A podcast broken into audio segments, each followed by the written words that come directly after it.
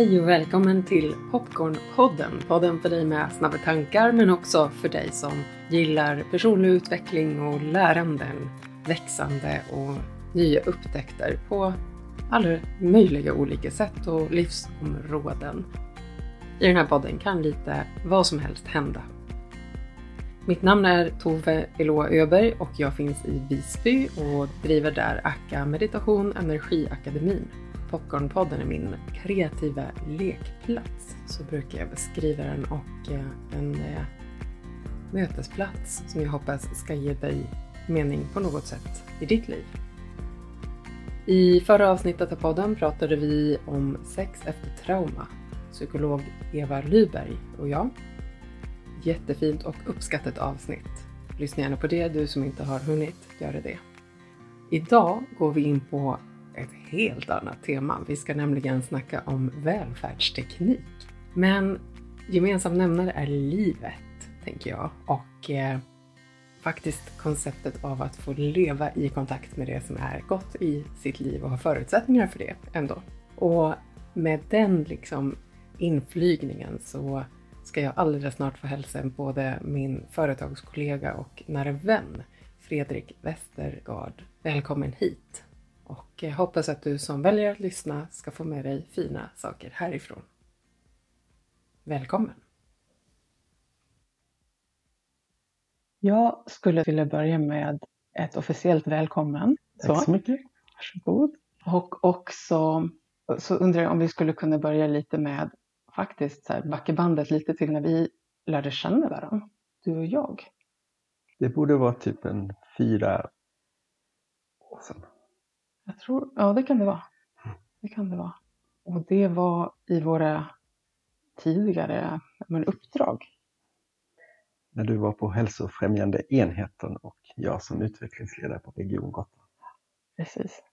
Då liksom, snuddades våra liksom, vägar i det här med digitalisering och verksamhetsutveckling och ja, hur man kan eh, använda digital teknik och välfärdsteknik för att utveckla och, och nå fler men också göra skillnad genom den typen av teknik för fler mm, personer.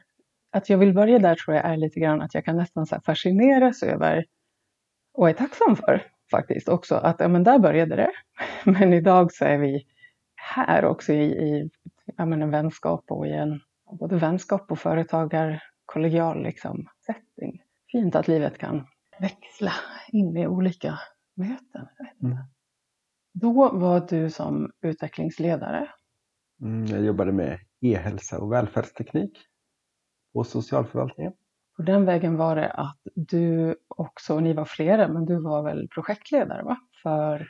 Precis, jag fick börja, vi fick eh, typ två miljoner och skulle stimulera användningen av välfärdsteknik inom Region Gotland för äldre personer. Och då tog jag kontakt med er på något Jag minns inte exakt. Nej, jag minns inte heller exakt, men vi hade ju de här mm. eh, öppna mötesplatserna för eh, personer över 65. Mm. Det här var ju innan pandemin ska man väl också eh, konstatera. Att då fanns det ju liksom, ännu då, när vi lärde känna varandra, så var det ju okej okay att ses fysiskt i, i flock. Mm. Det skiftade ju sen vilket var, eh, man kanske komma in på, men, eh, men det var väl i det sammanhanget. Precis. Och jag men, det slår mig nu, jag har inte tänkt på det innan, men jag skrev upp på min tavla bakom mig att en sak som jag ville att Gotland skulle göra det var ju att möta, eller liksom att skolungdomar skulle få hjälpa äldre med teknik. Så jag skrev upp det på min whiteboard och så ringde jag till er då hade ni redan planerat det, så du kunde stryka det. Gud vad roligt! Mm. Ja, vad glad jag blev. Ja, det där hade de börjat med redan innan, innan jag blev chef mm. där. Eh, det var ett arbete som var igång innan ett jättefint, verkligen fint samarbete mellan eh, hälsofrämjande enheten eh, och en gymnasieskola mm. i Visby när de gick en, en, någon form av datautbildning. Ja, men där de fick som del av sin utbildning, mm. studenterna, eller eleverna ska jag väl säga, komma och vara IT-support för personer 65 plus mm. eh, regelbundet. Fortfarande pågående är min bild. Jag tänker det är superviktigt så att just det här digitala utanförskapet är ju ett jätteproblem idag. Mm. När vi liksom digitaliserar och kräver till exempel bank-id och att man ska betala med Swish och kort. Och, och vissa äldre ja, klarar inte av det. Det finns Och mycket då- rädslor, eller hur? Jättemycket rädsla och ja, kanske möjligheter, ekonomiska möjligheter att skaffa sig en surfplatta och sådär. Mm. Också har varit ett stort hinder. Det tyckte jag var superviktigt. Så det var en av dina så här, målsättningar och sen så kunde du stryka den lite. Det var fint. Då fick du tid till annat. Så sen, och sen kom jag väl till er också, ja, det var kanske när Elinor med, med VR på mötesplatsen att vi hade en, eh, visade VR-glasögon och eh, Yes. det. Jag var inte med då, men jag Mm. vet att ni körde. Vad, eh, finns det någon, kan du berätta lite om det? För de här VR-glasögonen, alltså då, konceptet var ju att man liksom gjorde i ordning en viss plats. Att, Mm. att liksom få sitta ner på en stol och ha de här VR-glasögonen på sig och då kunde få väldigt olika upplevelser Precis. att vara med om. Och, och det hade ni några tillfällen, eller hur? På Mm. mötesplatser. Precis. Nej men det var ju väldigt kul och dels var det kul att träffa de äldre som inte hade testat den här tekniken och att de fick se vilken möjlighet det var. Till exempel att åka till månen eller, eller simma runt i ett barriärrev på, i, liksom i havet. Så. Nej, det var kul att se. Men också just den här lilla rädslan och men också nyfikenheten som många har på ny teknik. Det, behöver ju, det slutar ju inte för att man blir äldre utan det, Nej, verkligen. Och om man också har en trygg guide in i det. Mm. Som visar att det här finns, nu gör vi på det här sättet och kom och testa, liksom. det går inte att göra fel eller misslyckas. Liksom. Då är det en fantastisk sak faktiskt. Men, men visst, och också en ekonomisk eh, förutsättning ju. Att här behövde du inte betala för att vara med om det eller Mm. ha tekniken själv. Det är ganska många steg att, att klara av för att komma in i det där. För många, eh, men, och bara VR som exempel är väl ändå en en sån sak som inte särskilt många ännu i, oavsett ålder har kommit så långt in. Det börjar ju Mm. komma, men, Precis. men det är ju inte det vanligaste ännu. Så det är väldigt coolt tänker jag att vi, Mm. vi körde det i, i, Mm. i den sättningen. ja, det kommer ju komma mycket mer. Alltså, de har ju testat till exempel att operera personer med att de sätter VR-glasögon på personerna och så gör man istället för att söva ner dem så gör man en lokalbedövning i till exempel knät. Mm. Och så gör man en operation samtidigt som personen är i, på en medelhavsö eller någon annan vacker plats. Eh, Gud vad roligt, det kanske jag ska man testa. fokus till någonting helt annat. Jag ska ju snart få operera mitt knä. Jag kanske ska ta med mina VR-glasögon dit och fråga om jag kan få. Mm. Det hade varit något. Jag undrar om de skulle gå med på det. Men det hade varit, eh, jag förstår konceptet av det faktiskt. Jag har testat VR eh, hemma själv via sådana VR-glasögon och det är ju fascinerande faktiskt kan jag tycka. Jag kan tänka att det där skulle gå att integrera så mycket mer i verksamheter på olika sätt. Men eh, jag har inte tänkt på det på det sättet att man kan ta med det in i sjukvården. Fint. Och nu tänker jag, eller mycket inom äldreomsorgen när folk bor på äldreboenden och inte kan röra på sig så mycket utan man har kanske svårigheter att komma ut i naturen eller att besöka en strand eller ett hav och bara sätta sig ner och titta ut över horisonten, se en solnedgång, lyssna på havet. Att få göra det virtuellt skapar ju samma fysiska förnimmelse som att göra det på riktigt. Mm. Eh, och få den liksom, upplevelsen tycker jag är fantastisk. Mm. Och också kanske att ta hjälp av anhöriga och spela in filmer på kära platser som alltså på barndomsgården eller jag såg ett klipp till exempel en kvinna som älskade att vara med i kyrkokören. Ah, okej. Då hade hennes son gått dit och ställt sig i kören framför nothäftet bredvid sina körmedlemmar. Och så spelar han in en film. Så tar han det till äldreboendet och vis sätter glasögonen på sin mamma som har en demenssjukdom. Men hon eh, ja, får ju känslan av att stå där i kören Var del av kören. och sjunger för full hals. Den lyckan och den, de tårarna som ja, rinner sen, det, det har hon ju med sig. Liksom. Gud vad Mm. fint. Så det är ju Och, åh, vad fint. Och just att han då valde att filma utifrån hennes perspektiv. precis. Att hon är på plats i Mm. kören, inte ser på den utifrån. Liksom. Hon är del av den. Och nu finns det ju teknik som gör det möjligt liksom, att bidra med sådana enkla upplevelser tänker jag. Det behöver inte vara så, så krångligt. Nej, precis. Jag tänker också så här, verkligen, du behöver inte ens lämna boendet. Tänk, alltså Mm. att det faktiskt går att, att ta upplevelserna till oss idag på ett helt annat sätt. Precis. Och där jag gissar, liksom, eller själv tänker så här, där jag ännu inte är så pass gammal att äldreboende är min adress. Att jag är ju liksom bortskämd med, eller bara tar för givet, att jag ska kunna ta mig ut i världen och på de här upplevelserna. Men det kommer en dag och, och med, med fler år på jorden närmare sig ju liksom den att inte ha lika lätt att ta sig iväg. Och, och på temat självständighet också, så här, att någon annan måste finnas med för att möjliggöra det där. Mm. Jag tänker att en hel del av de här sakerna skulle ju gå att utveckla ja, men, en film som många kan ta del av. Mm.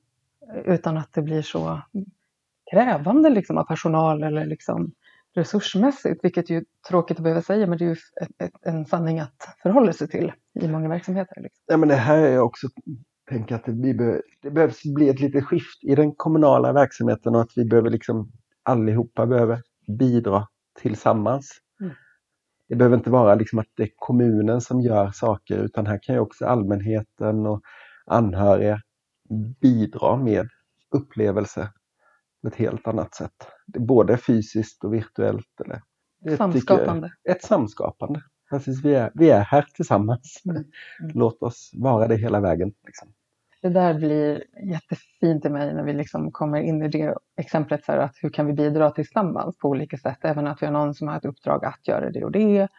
Ja, men okej, men hur kan vi genomföra det då? Hur Mm. skulle vi kunna hitta kreativa lösningar eh, och, och idéer som blir bra för de vi är till för? Och, och jag behöver bara få sätta ord på det, för det är så här, jag kan inte missa det, den tråden liksom till faktiskt här, eh, FNs globala mål de här Mm. globala utvecklingsmålen som vi far omkring och, och försöker i många verksamheter att göra vår del i för att eh, nå närmare. Där finns det ju också något som man har utvecklat faktiskt i, eh, med Sverige som, ska man säga, ursprungsplats. Det är Sverige som driver det här arbetet kring inre utvecklingsmål. Mm. Eh, som man ser är förutsättningen för att orka och klara av att hitta kreativa lösningar på de globala utmaningar vi står inför. Att någonstans förut har man pratat om att vi behöver hitta lösningar på till exempel välfärden. Vi blir fler människor, det är färre i arbetsför ålder som ska kunna eh, ta hand om de äldre och, och vi har liksom en ökad utmaning i det. Och det är sant, det behöver vi möta. Men de här inre utvecklingsmålen syftar till att liksom hitta hur kan vi som människor må bra genom utveckling och förändring, för det är svårt för många av oss. Men hur kan vi göra det på ett sätt där vi mår bra men också gör gott och samskapar? Det är några av de delar som, som man integrerar i inre eh, utvecklingsmålen. Och samskapande, co-creation pratar man liksom om där. Det, då blir det här ett konkret exempel, tänker jag Mm. faktiskt. Jag lägger någon länk i bloggen för dig som vill läsa mer om inre utvecklingsmål också. Men du, jag måste få backa bandet också till, eh, Mm. för du lämnade sedan regionen eh, så småningom. Precis. Det var någonting annat som kallade. Nej, men, eh, I grund och botten så har ju jag en liksom, magister i datavetenskap Mm. som jag tog för drygt 20 år sedan. Eh, Så det har varit mycket liksom, programmering och IT och servrar och allt.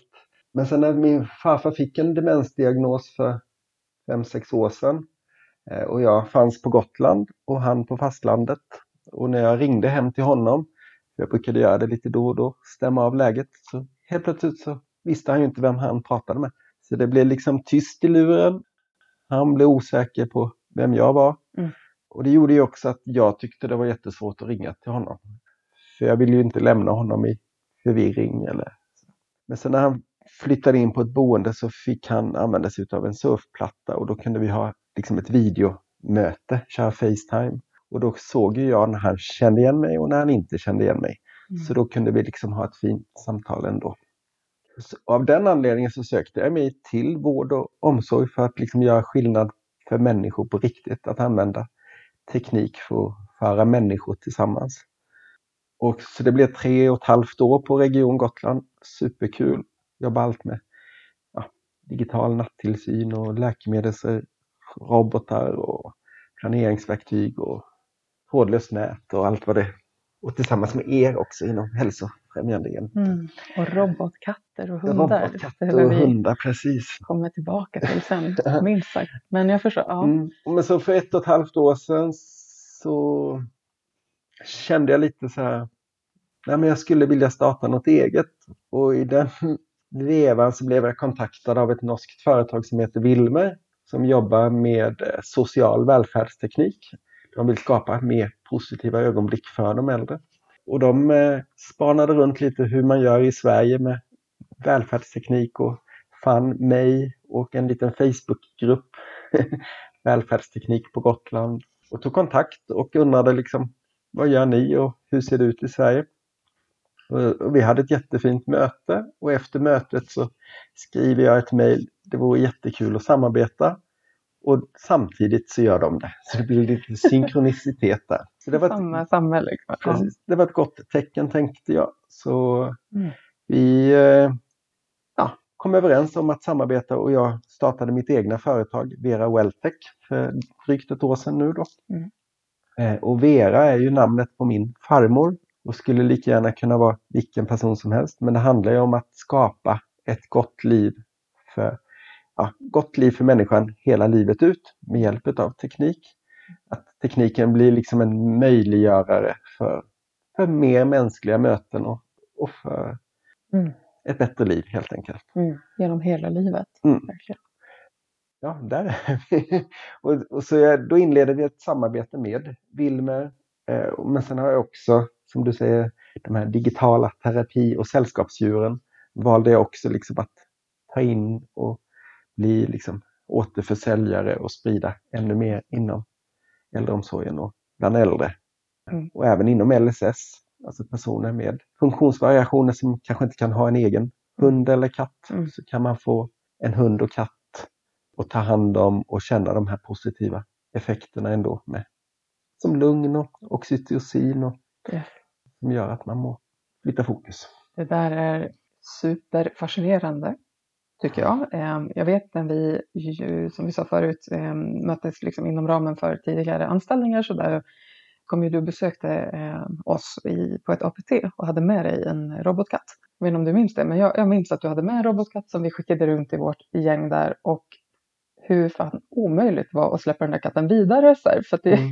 Ja, man satt där och klappade mm. och så bara, jag förstår att det här är en liksom, artificiell historia, liksom, men den är mjuk. och den reagerar på eh, beröringen, den interagerar med mig på något mm. sätt. Alltså det var lite, eh, det var speciellt faktiskt att få uppleva hur eh, svårt det var att lämna den där katten vidare.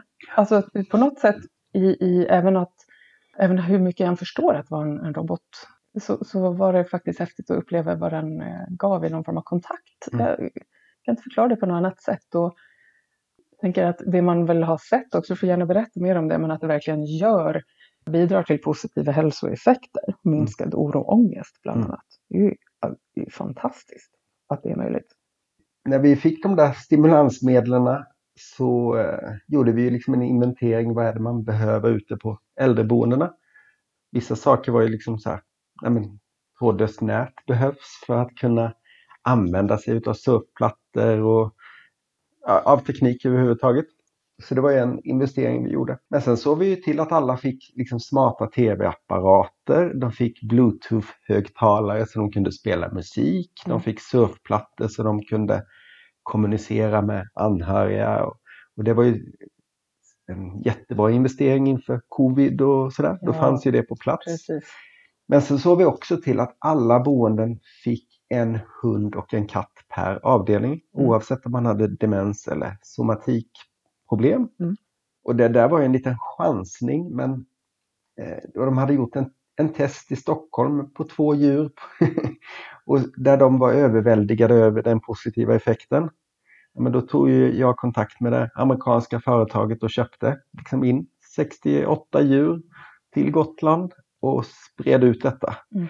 Och de är ju väldigt enkla, det är liksom bara att slå på en knapp under magen och mm. sen är de, lever de. Mm. Och det gjorde ju också, nej men det rev liksom lite murar att det här med verksamhetsutveckling och digitalisering behöver inte vara så svårt. Nej, och för vissa personer blev ju det här en jättestor effekt. Alltså de sov bättre, de behövde mindre läkemedel Mm. för ångest och oro. Det Mm. blir lugnare på avdelningen för liksom oro smittar. Mm. Eh, Nej, och, och det är också lättare upp för personalen och för anhöriga som kommer på besök. Så ser man till helheten så är ju det eh, ett väldigt enkelt sätt att sprida glädje. Ja. Och det gör ju att folk mår bättre och sådär. Sen är ju inte det för djur är ju inte för alla. Så man ska ju liksom inte tvinga en katt på en hundmänniska. eller, eller, så det gäller ju liksom att vara observant och lyhörd Mm. över det Mm. personliga behovet och, och möta det. Mm. Ja, jag tycker det är Absolut. otroligt. Det, och det, och det, och man behöver inte vara sjuk heller för, för att Nej. känna den här glädjen. Och Nej. när jag kom med de här hundarna och katterna till människor och visade dem.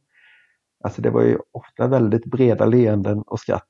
Jag förstår det Mm. verkligen. Och vi hade ju också en gång, eh, min mormor, du har ju träffat henne Mm. faktiskt. Ja, mormor Aina som inte längre finns på jorden men eh, eh, gick stark ur det liksom 99 och ett halvt år gammal faktiskt. Men Mm. ja, det finns mycket fint att säga om henne på temat eh, livslust faktiskt. Men där hade vi ju på hennes boende där hon bodde eh, att vi bad dem att få ta in den här hunden som de hade på Ja. avdelningen. Mm. Varpå min son som då var Ja, han var inte så gammal då, vad kan det ha varit, 6-7 då? Så här. Han blev jätterädd när jag sa robothund. Mm. Han var rädd, för han associerade robot med typ ondskefull robot, serieteckning. Och, och robot är för mig också ganska laddat. Det är inte bara Mm. En positiv energi i det ordet. Det finns något så här, oh, ska robotar ta över? Ska det liksom AI? Alltså, så här, vad händer med, med det där? Men så inkommer den här fluffiga hunden. Mm. Eh, Den versionen av robot är ju inte särskilt skräckinjagande. Och jag minns, alltså vi allihop, det spelade ingen roll om man var typ 6-7 eller 90 någonting plus liksom. Mm.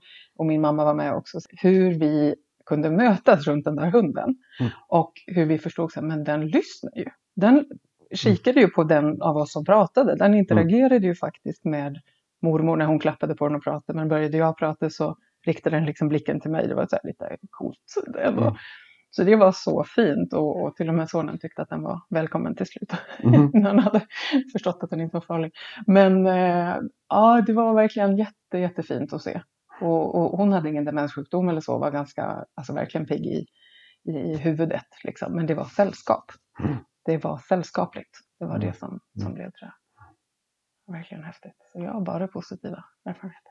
Nej, och det var en kvinna på ett av boendena här i Visby som fick en hund också och la beslag på den. Mm. Hon, hon var ju klar i huvudet men hon var ofta annars väldigt orolig och uppe och gick på nätterna och, och sådär. Men eh, så fick hon hunden. Och personalen undrade, men vad, vad har hänt? Hon, eh, liksom, hon sover fortfarande. Så eh, nej, men hunden gjorde ju att hon blev trygg och sov som en gris, som, hon som de uttryckte det. Eh, Mm, Så fint. och man får ta det för, för vad det är. Ja, och funkar det så så är det fantastiskt. Mm. Jag tänker så här, hur skulle vi, alltså att inte prova det. Mm. När man hör det här så kan jag bara tänka så här, men gud, det bör köra. Det är en så enormt liten eh, kostnad men en fantastisk liksom, eh, Mm. vinst och, och investering. Nu har jag kontakt med ett annat företag som har en, en ännu mer realistisk hund som de kommer även lägga in liksom eh, lite sensorer som gör att man kan mäta hur patienten mår, alltså med hjärtrytm och sådär. För det som man har idag, en utmaning inom vården är ju att personer tar av sig sensorer, om det är klockor eller band runt bröstet och sådär. Men de har gjort studier att får man ta hand om en hund så ser man till att den är nära en hela tiden och då kan den Mm. ja, ge det datat till Då eh, vill man hälso- ha den nära. Ja. Precis. Och samtidigt så får man, kan man ju liksom minska ensamhet och oro och ångest. Och, så det blir liksom flera positiva Mm. effekter. Mm. Det där kommer- det är Jättespännande att se vad det tar vägen Mm. faktiskt. Och jag utbildar en hel del i, i första hjälpen till psykisk hälsa, både äldreversionen men också äld, alltså vuxenversionen. Men senast som jag nämnde för dig häromdagen eh, så hade vi en grupp i, eh, i versionen som riktar sig för de som möter äldre i arbetet. Och där är liksom, ja, men svart på vitt är ganska enkelt att konstatera att ångest och ångestsjukdom hos äldre är ju vanligt och det är ju något som man har börjat uppmärksamma mer senare år. Så. Mm. Man liksom förut och fortfarande kan tänka, ja men du är gammal, det är inte konstigt att du mår dåligt, börjar bli deppig, lite ja, det är klart att det närmar sig slutet, det är inte märkligt att ha lite ångest då, eller liksom att vi kan raljera lite på det och göra åren här på jorden och, och liksom ju fler vi har till någonting att då är det okej att må dåligt därför att du är ju gammal nu. Mm. Och det är ju inte schysst. Det Tänker är jag. inte alls schysst. Det är, det är faktiskt liksom ålderism att, Mm. att lägga på en människa för att den har si och så många år att det är per definition då rimligt att du har ångest. Nej. Mm. Eh, Alla människor kan ju ha ångest i någon upplevelse. Liksom, ångest är ju inte sjuka reaktioner i grunden, det är ju friskt att kunna reagera på svåra saker. Men här snackar vi ju nivån där det blir ett lidande för personen och där det påverkar ens livskvalitet eller liksom funktioner, att man slutar och gör sånt som är meningsfullt eller far illa liksom. Mm. Och där man skulle kunna få hjälp av mediciner, behandlingar, men också där man ju såg via till exempel sådana här terapidjur att det går att också få en enorm ångestlindring Mm. och, och en, ett gott stöd via alla möjliga olika saker där te- teknik faktiskt är en grej. Ja men det är som, alltså när man, för det första så är man ju inte dement. Det kan jag ju säga också, man är inte sin sjukdom utan man har en, en fruktansvärd demenssjukdom. Eh, och det gör ju att man förlorar förmågor. Då gäller det liksom att bemöta människan som finns där inne. Mm. Och eh, man tappar ju ofta kanske minnen som är i, i närtid medan man kanske behåller äldre minnen och äldre liksom eh, känslor och sådär. Och då till exempel att kunna sätta på musikstycken eller liksom som personen har lyssnat på när han var liten eller så. Eller liksom få beröring som mamman kanske Mm. gav till barnet eh, när man var liten. Skapar ju liksom en helt annan liksom förnimmelse i, i, i människan. Så därför är det ju superviktigt att låta människor få, få vara sig själva hela livet oavsett om man får någon sjukdom eller inte. Ja. Och hjälpa möta dem där de är. Precis. Jag tänker också på kunskap Mm. när jag hör dig berätta om demenssjukdom och ehm, ja, där igen okunskap kring, tror jag faktiskt, för, för många av oss här, hur pass vanligt det är Mm. med demenssjukdom, hur många det är som insjuknar i det årligen, bara i Sverige. Och faktumet att demenssjukdomarna, för det finns ju flera eh, olika diagnoser inom demenssjukdomsspektrat, hur, eh, hur de faktiskt påverkar människan, men att de också är eh, dödliga eh, sjukdomar. Mm. Det ser ut så, att de är progressiva och att man ju faktiskt inte, ännu i alla fall på jorden, återhämtar sig från dem, för vi har ingen bot. Och att, att då liksom insjukna i, i demenssjukdom finns väl många som berättar om också att den första tiden när man också själv börjar förstå att någonting eh, håller på att förändras, att man själv förstår kanske att man håller på att bli sjuk, för att sen inte vara den som upplever det själv, utan mer omgivningen. Sådär. Det är otroligt komplexa sjukdomar.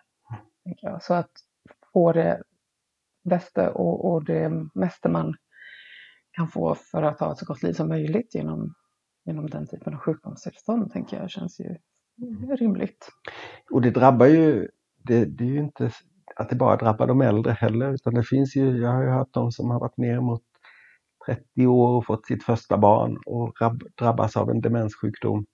Det är ju otroligt sorgligt. Eh, och det, de säger ju ofta att det är anhörigas sjukdom, men det är ju trots allt en person som blir sjuk. Så det, Jo, men det påverkar ju liksom hela familjer. verkligen. Hela Och det är ju-. Mm. Sen är det ju också jättemånga, det är flera som får debut när de kanske är i slutet på när de är 40-50. Så det finns ju liksom en, en, en grupp sex, under 65 plus som är unga demenssjuka som, som samhället försöker ge bästa stödet Mm. till också. Och då kan ju de vara väldigt fysiskt aktiva Mm. men de kan ju liksom ha problem rent kognitivt i, i samhället. Absolut. Och där kan man ju som sagt också vara yrkesverksam ålder ännu, Mm. barn eller unga barnbarn till exempel. Det, det är ju inte kanske så ovanligt som man tror att insjukna tidigare än 65 Mm. faktiskt. Även om min bild är ändå att de, det vanligaste är ju att insjukna senare. Så, men, men att det liksom är, eh, det är klart att, att ju tidigare man insjuknar i livet och min bild är också, jag hoppas återigen att jag mm. säger att vi kan också länka till Demensförbundet i, i, via podden på popcornpodden.se. Men det här med att det väl tenderar vara så att ju tidigare man insjuknar så tenderar det också vara liksom en, en eh, snabbare utveckling eller svårare utveckling av mm. sjukdomen. Det är min bild från när jag också jobbar anhörigstödjande verksamhet i alla fall. Sen om det är säkert individuella skillnader också. Men, och sen är det ju olika, olika hjärnsjukdomar. Ja, precis. Det finns så mycket mer att lära, känner jag själv, mm. kring det. Men eh, där tänker jag att jag skulle vilja föra oss in på det som jag vet att du och ni jobbar en hel del också faktiskt med de här levnadsberättelserna. Ja, men precis. Det är en sån sak som är enormt viktig inom den personcentrerade omsorgen. Att vi får in en levnadsberättelse om personen som har en demenssjukdom. Där man beskriver vem personen är och vilka behov man har, vad man har för vanor, vilka familjemedlemmar som är viktiga, vad man har varit med om i livet. Alltså de liksom positiva minnen.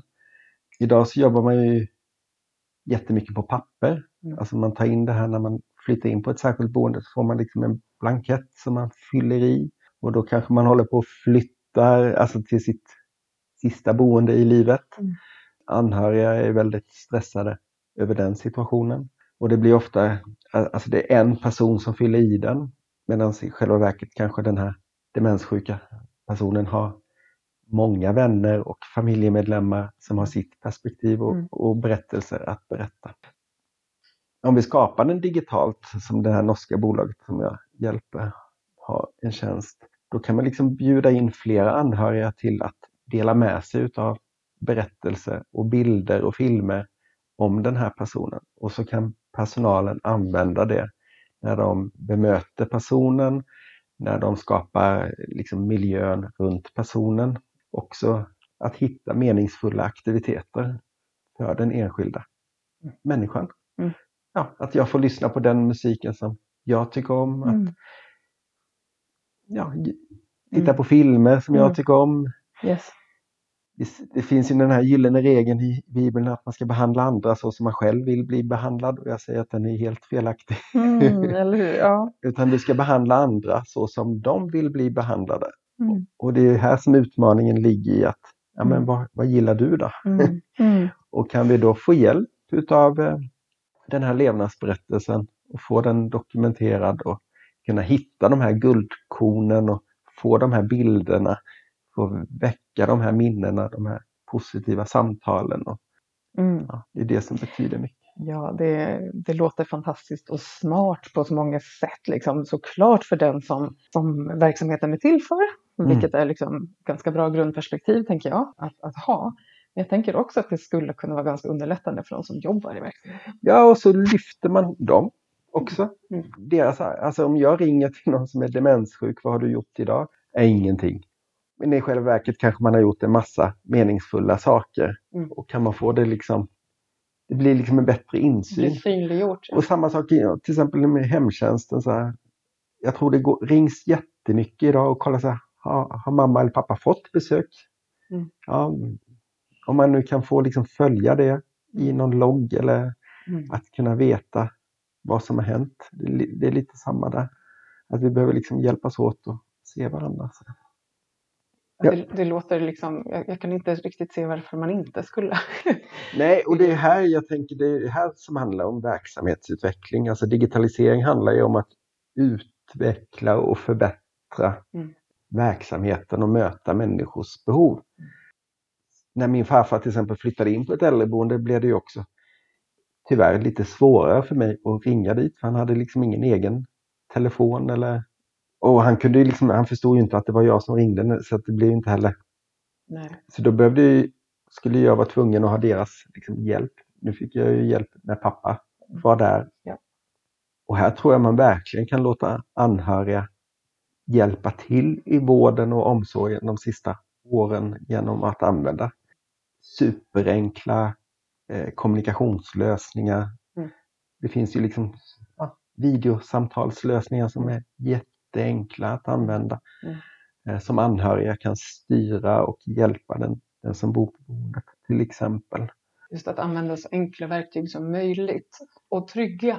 Jag får upp ett minne från, eh, igen, som relaterar till min mormor som ju var en ganska drivande kvinna får man säga. Hon hade ju liksom med sig en laptop till sitt Ja, äldreboende. underbart.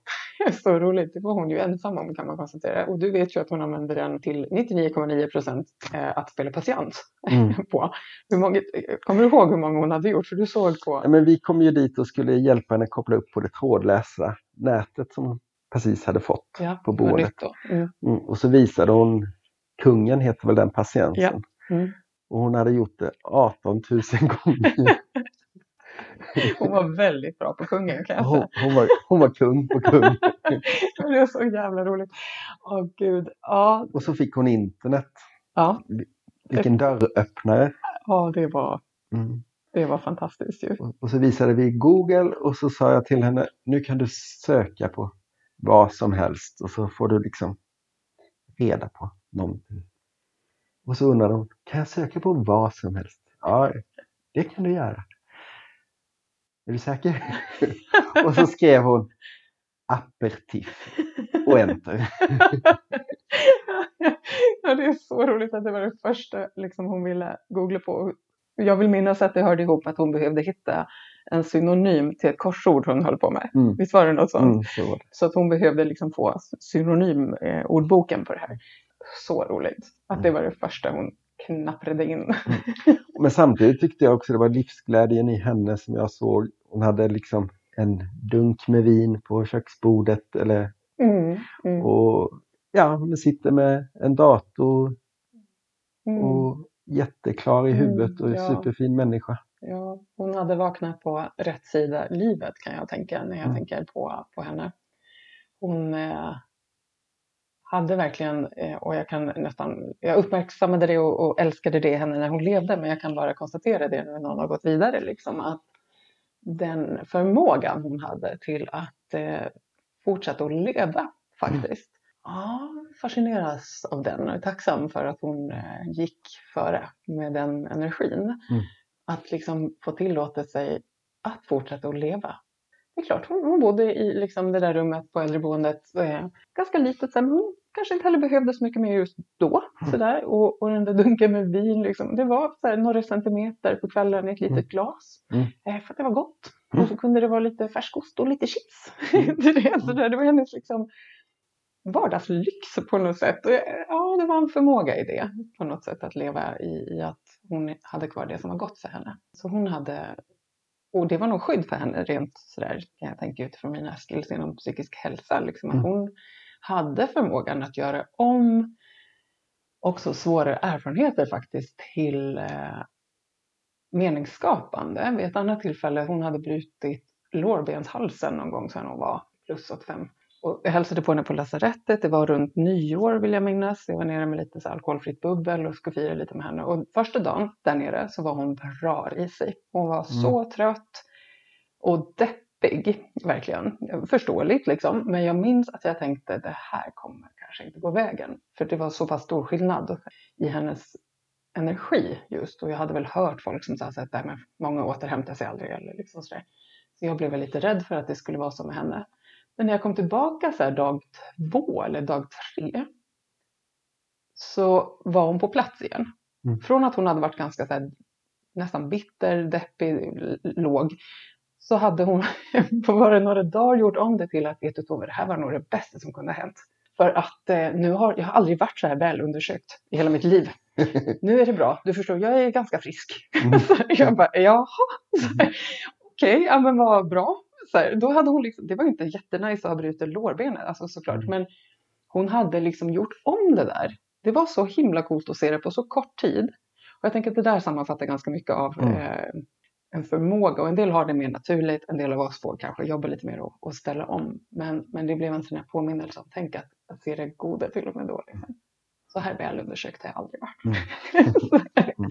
Nej, det var fint. Ehm, Mm. så, eh, och den typen av energi, jag tänker så här, någonting som jag ibland Jag tänker tillbaka på i, i de roller vi möttes i också när vi jobbade då med digitalisering, verksamhetsutveckling, att nå ut till äldre med digital teknik.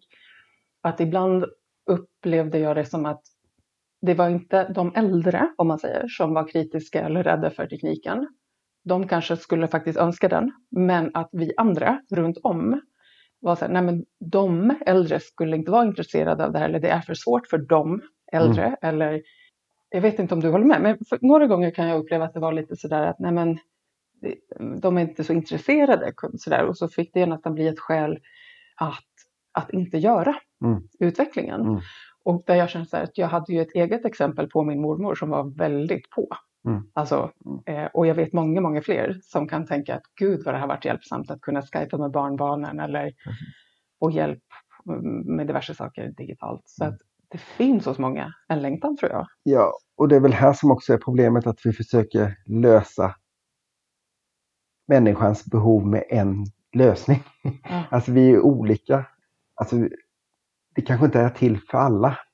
Alltså allting. Men till exempel, nej men så, till exempel bara tillbaka till de här hundarna, katterna. På ett äldreboende här på Gotland så har de 12 stycken levande katter som sprider jättemycket glädje. Mm. Men där en undersköterska sa till mig att den här robotkatten är den bästa. För den ligger ju kvar och ger den här. Ja. Ligger ju kvar mm. och kan bli klappad. Men så mycket kritik vi fick när vi gjorde det här på Gotland i Facebookflöden och kan inte ha riktiga katter. Och, alltså mm. så mycket rädsla och mm. oro. Men det var också otroligt fint när undersköterskan gick in och berättade att Nej, men det här skapar verkligen skillnad för den enskilda. Och nu när jag kollar runt på nätet, det finns ju inte alls någon kritik mot just det då. Ett annat exempel nu är till exempel digital nattillsyn. Vissa, jag tror det är 70 procent ungefär, tre fjärdedelar av kommunerna som har infört det. Mm. Och det handlar ju om att man ska skapa trygghet för de som bor kvar hemma. Mm. Och innan så har man ju låtit personal komma hem och titta till en mitt i natten. Det kan vara alltifrån en gång till upp till fyra gånger. Mm. Och så kan man installera en teknik som gör att personalen kan titta till den äldre ändå. Vissa tycker det är jättetryggt att till exempel ha en kamera som gör att då vet de om att hemtjänsten tittar till mig flera gånger. Medan vissa reagerar jättekraftigt på detta. Och då finns det ju annan teknik. Mm. Tänker jag. Det finns ju teknik där man kan sätta upp en sensor som inte har någon kamera. Mm. Som gör att du kan ropa på hjälp om du ramlar på golvet. Eller den märker att du ramlar på golvet. Den kan mäta din puls mm. bara genom en liten radarteknik till exempel. Mm. Wow. Det finns teknik som gör att du kan mäta vilket rum du befinner dig i. Så att om inte mamma har gått på toaletten tre gånger varje natt, mm. Mm. Så, utan helt plötsligt kanske hon går tio gånger. Mm. Ja, då kanske hon har liksom något inkontinensbesvär mm. Och behöver söka. Då kan jag som anhörig ta kontakt. Så att det handlar ju liksom om att möta den enskilda människans behov. Ja, vara flexibel inför det och också ha förståelse för om det väcker, tänker jag, Precis. Liksom mm. oro på ett sätt. Och jag tänker så här, om, om jag liksom försöker se det utifrån idag i mitt liv så behöver jag inte digital nattillsyn. Alltså så är det en icke-fråga för mig just nu. Men om, om jag liksom försöker att sätta mig in i situationen att jag är på något sätt är man kanske ganska ensam i mm. och har ett omsorgsbehov på något sätt och nätterna behöver jag. Det finns liksom en bedömning gjord och där jag förmodligen i bästa fall är med på det att det ska vara gott att någon tittar till mig så att jag slipper ligga med bruten någonting mm. på golvet. Det finns ju skäl till att man ändå har behövt föreslå nattillsyn. Hade jag då önskat helst att någon kommer öppna min dörr fysiskt och tittar på mig när jag sover att jag kanske riskerar vakna av det eller skulle jag kunna tänka mig en dator liksom, styrd version på det? Mm. Absolut hellre IT-versionen förutsatt att det är safe. Alltså det är det som blir följdfrågan. Ja. Att jag vill mm. veta att det är rätt personer Precis. som tittar in i mitt hem. Jag vill ha koll på att ni har koll på mm. säkerheten runt det. Den integriteten är ganska central. Och är det så att man vill ha besök för att få hjälp med någonting annat eller mm. då ska man ju ha det tänker ja, jag. Alltså det är inte, det är, är det så att man vill ha fysiskt besök så ska man ju liksom kommunen kunna erbjuda det. Alltså det här med man till exempel på, när jag tittade på Gotland, om vi hade erbjudit fysiskt tillsynsbesök så innebär det att i snitt så skulle kanske 20, 21 personer tror jag det var, Mm. ha tittat till dig fysiskt mitt i natten. Du kanske inte vaknar när någon smyger in, men du kanske vaknar när dörren slås igen Mm. och då går du upp och ramlar och slår dig.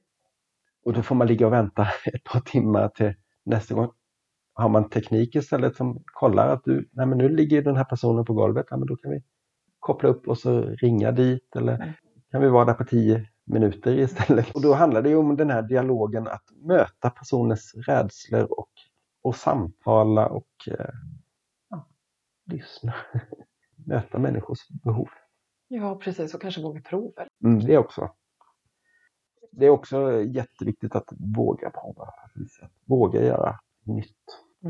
Det som jag tänker också när vi pratar om att det här med att våga prova och att det är en del av verksamhetsutveckling. Att prova och ibland så blir det lätt och bra och ibland så eh, kör det ihop sig. Mm. och så får man prova igen och på ett annat sätt.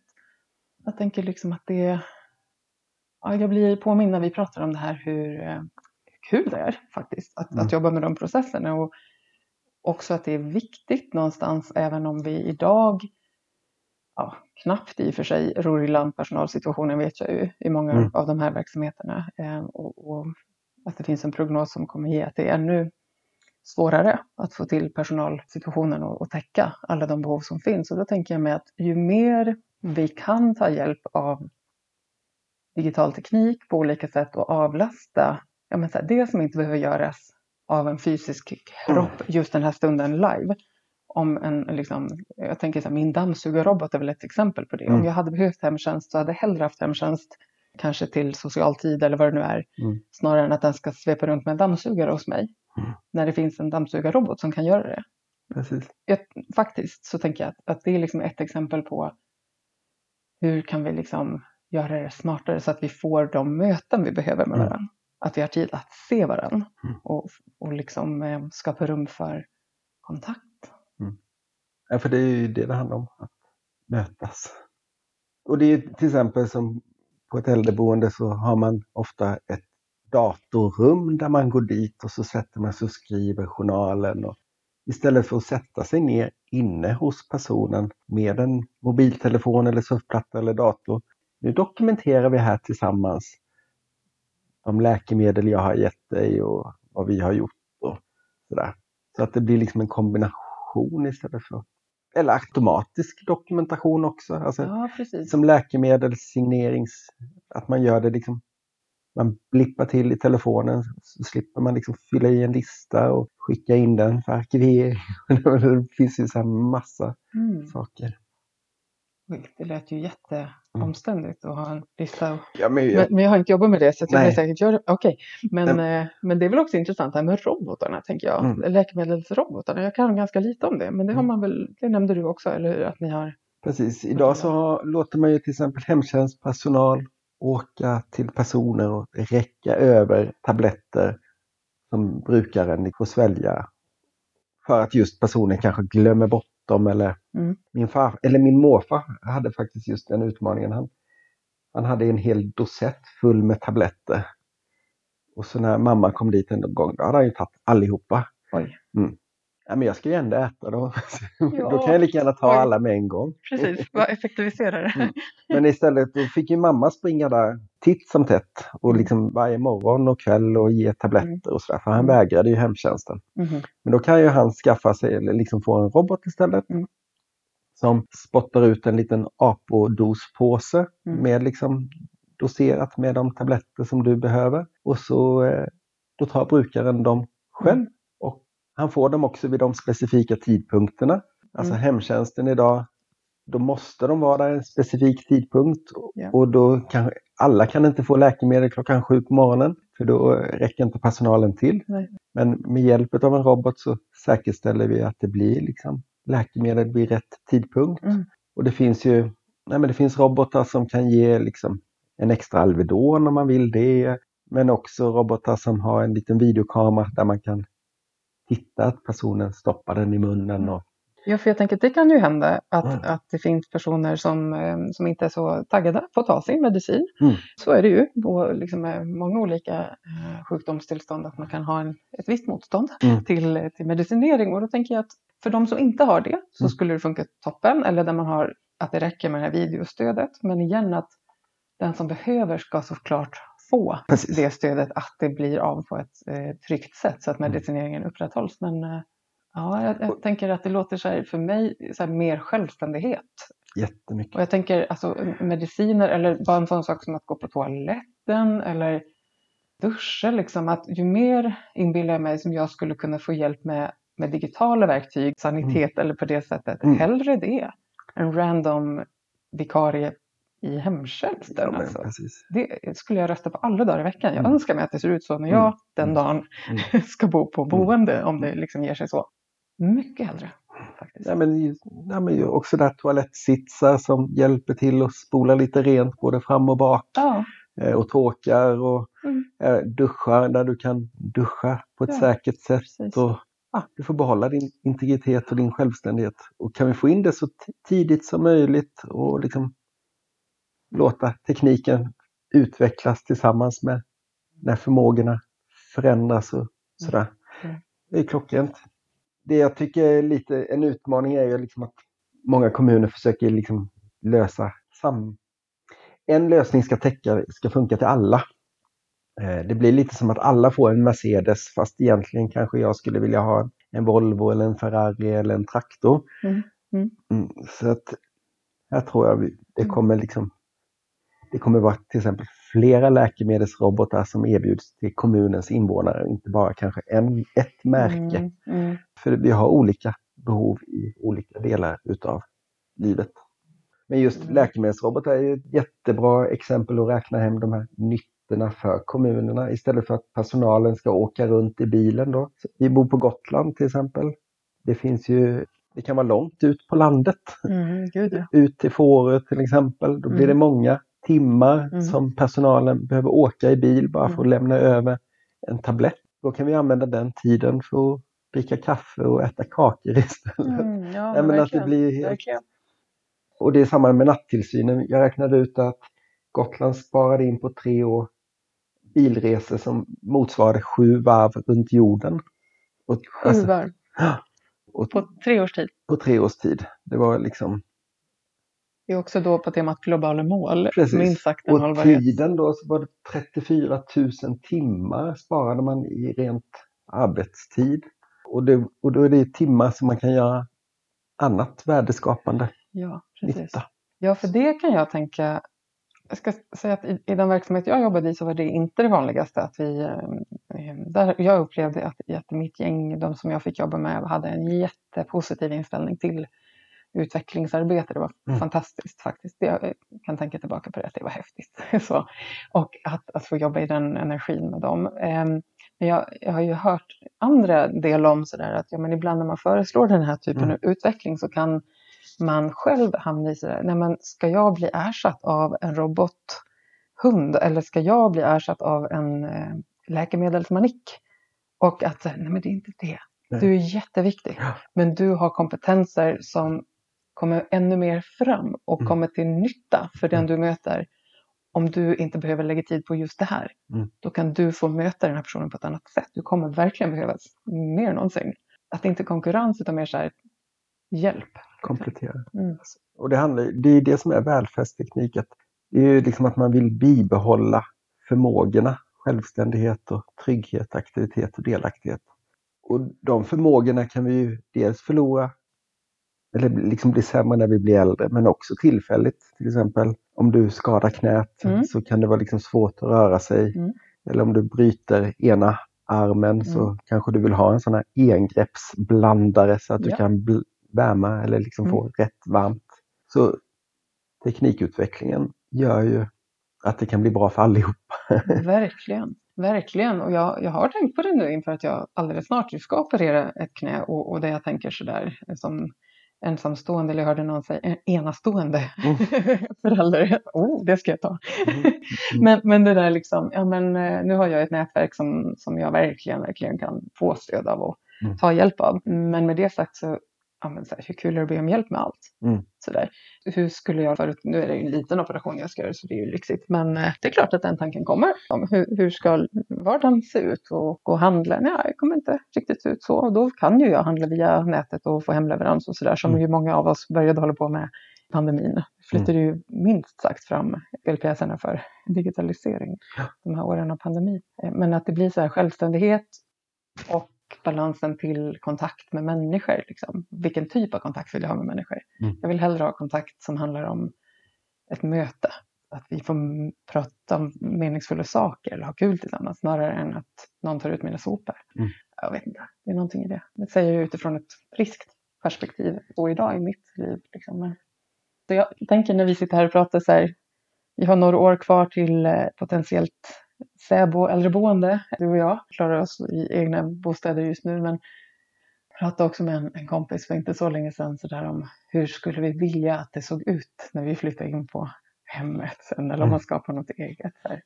Vad skulle det vara om man får önskelista? Så där. Mm. Lite intressant. Um, tanken känns ju tidigt men ja. Jag vet inte, har du någon önskelista? Hur skulle du vilja ha det? Nej men det är just att det skulle vara nära till mina kära och till mina vänner. Att eh, bo tillsammans, kanske i något i ett, liksom ett boende där, där jag dels har tillgång till mitt egna men också nära till mina vänner. Och att det blir också, ja, att mina anhöriga också kan komma på besök och Mm. bo hos mig och sova hos mig och att vi kan göra saker tillsammans. Så att jag, Relationer? Ganska Ja. mycket. superviktigt. Mm. Eh, Alltså jag, idag är det en rädsla med äldreboende men jag tänker att det kan, skulle ju verkligen kunna vara guldkant på tillvaron. Ja, verkligen. Och det, det blev jag superglad. Det var en kommun jag pratade med, Vallentuna, som, som har, hade ett projekt med just det, guldkant på tillvaron.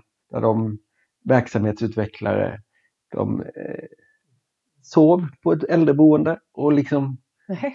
mm, Som del av att förstå. för att förstå hur har de det. Och de intervjuade de som bodde där. Vad Mm. skulle ni vilja ha och sådär. Oj, vilken bra sak. Oj, vad fint. Superfint. Och det slutade med ja, ett antal olika tjänster och produkter. Eller förslag till verksamheten för att möta de här mänskliga behoven. Så kan ni ordna med de här aktiviteterna och sådär. De har till exempel tagit in frivilliga som kommer dit och cyklar med dem. Så då Mm. har de köpt in sådana här Christiania-cyklar där de äldre kan sitta framme och få känna vinden i håret och komma ut i samhället runt omkring. Fantastiskt. Superfint. Helt fantastiskt. Och det, så det, är- jag vill vara människa och Fredrik tills jag knoppar in. Yes. Gud vad fint. Åh, vad glad jag blir att höra. Och för mig så blir det sådär någonting som jag kan tro. Det är ju lätt att sitta här och tänka om hur det blir då. Det är klart att det också kan vara föränderligt vad som är viktigt. Sådär. Men min fantasi idag är att jag skulle, jag tror jag saknar natur. Mm. Att kunna få komma ut i naturen på det sättet som idag är en ganska enorm bas i mitt liv. Att kunna liksom komma ut i den här friska luften. Jag sover i en hängmatta, det fattar jag att jag kanske inte är så intresserad av beroende på hur jag mår då. Men här, luften, känslan av skog, hav, elden. Mm. jag, bara, jag vill ha en eldplats. Alltså det är ju nischat, det fattar jag. Mm. Men, men någonstans så här, hur många är det inte som ändå gillar det? Mm. Det skulle jag vilja ha eh, som i min trädgård på det här Mm. boendet. Eller kan man, kan man bygga det på det sättet att det finns en närhet till att få komma till naturen? Liksom. Det Mm. skulle vara alltså, genuint livsviktigt för mig, tror jag. Mm. Hellre än att, att eh, se på tv. Jag ser ju knappt tv Mm. idag. Det kommer jag Mm. inte vilja göra då heller. Mest, eller så vill jag det såklart, det vet jag inte. Men Mm. det kanske blir mer natur, vad vet jag. men eh, ja, det där är Ja, intressant. också Så här, vilja ha. att, att någonstans, är bilden av äldre och att bli äldre? Är det per definition så radikalt förändrade behov eller? Mm, nej, kanske inte alls faktiskt. Hur skulle vi vilja? Och att det inte måste kosta jättemycket heller faktiskt. Och att det Nej. tvärtom kan ge hälsoeffekter. Mm. Jag känner mig jätteglad att vi har pratat om det här idag, alltså som vi hamnade i. Jag visste ju inte, eller vi visste inte exakt vart vi skulle hamna idag när vi började spela in. Vi hade ju såklart någon idé om att det skulle kunna handla om en del av, av det här, men jag märker när vi pratar om det att det finns en stark energi i de här frågorna och jag hör också att du verkligen, det vet jag ju också, men att du verkligen brinner för den mening det ger Mm. vidare till dem som, som du vill Mm. bidra till. Nej, men, och det, just det här med förändring och verksamhetsutveckling. Alltså, vissa saker går ju superfort, som pandemin drev på att helt plötsligt ska alla hålla på med videosamtal som inte kunde det på boenden. Superbra. Mm. Men om man bara tittar liksom, med vad har hänt på hundra år? liksom med, Ja, med tvättmaskiner och elektrifiering utav samhället och, Ja, visst. och när datorer och internet kom.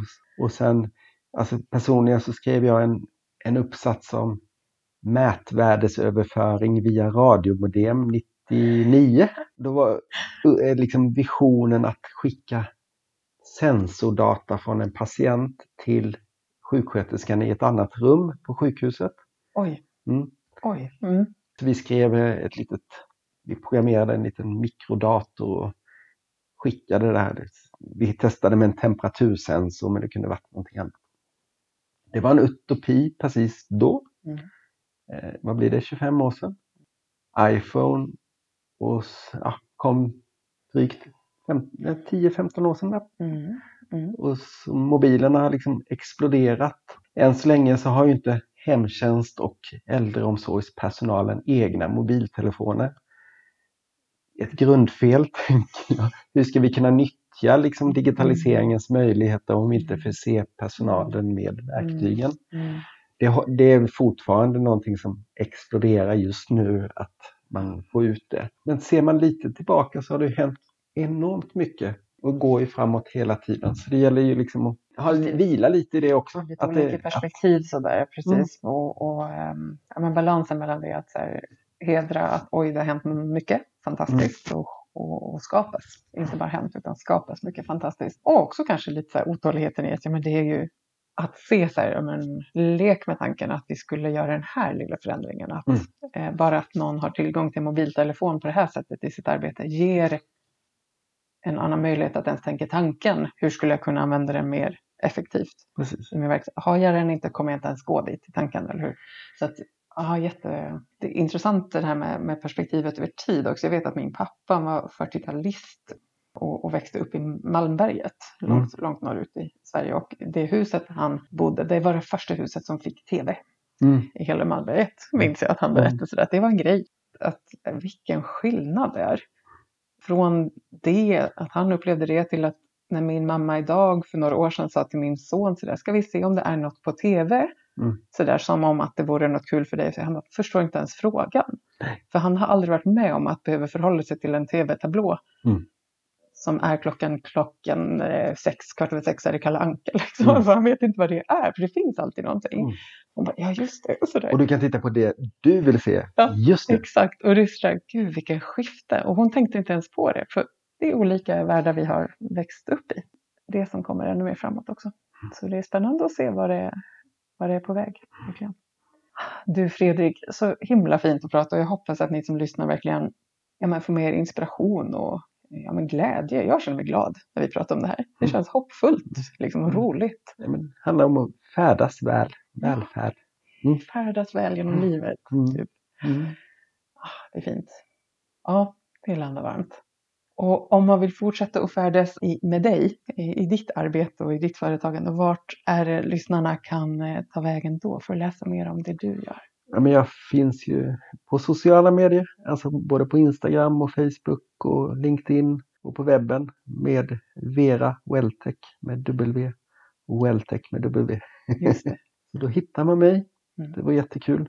Det vore ju fantastiskt roligt om ni eh, väljer att checka in med Fredrik och också mig på eh, Popcornpodden via LinkedIn och, och Facebook eller Insta. Det vore Mm. fantastiskt. Vi kommer också dela ett eh, blogginlägg som relaterar till det här samtalet där du kommer hitta länkar till både Fredrik och till mig men också så tänker jag mig att du kommer hitta någon film om det här med robotdjur och kanske lite annan info som jag pratat om. Så gå in på popcornpodden.se och kolla lite där också.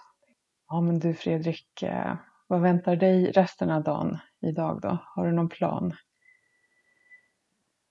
Ja, precis. Nej, men lite möten, eh, samtal och sen också ut och cykla med en vän i eftermiddag innan solen går ner. Mysigt. Mm. Gud vad fint. Det låter härligt. Hoppas det ska bli fint. Mm. Verkligen. Tack för att du eh, ville vara med i podden. Superfint att få vara här. Tack.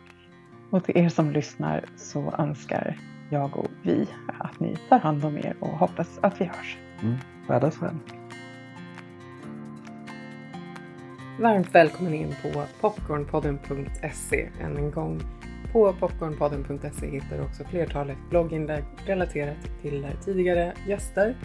Och du kan också jättegärna höra av dig till mig via mail som du hittar kontaktuppgifter där genom. önskar dig en fortsatt fin dag. Ta hand om dig.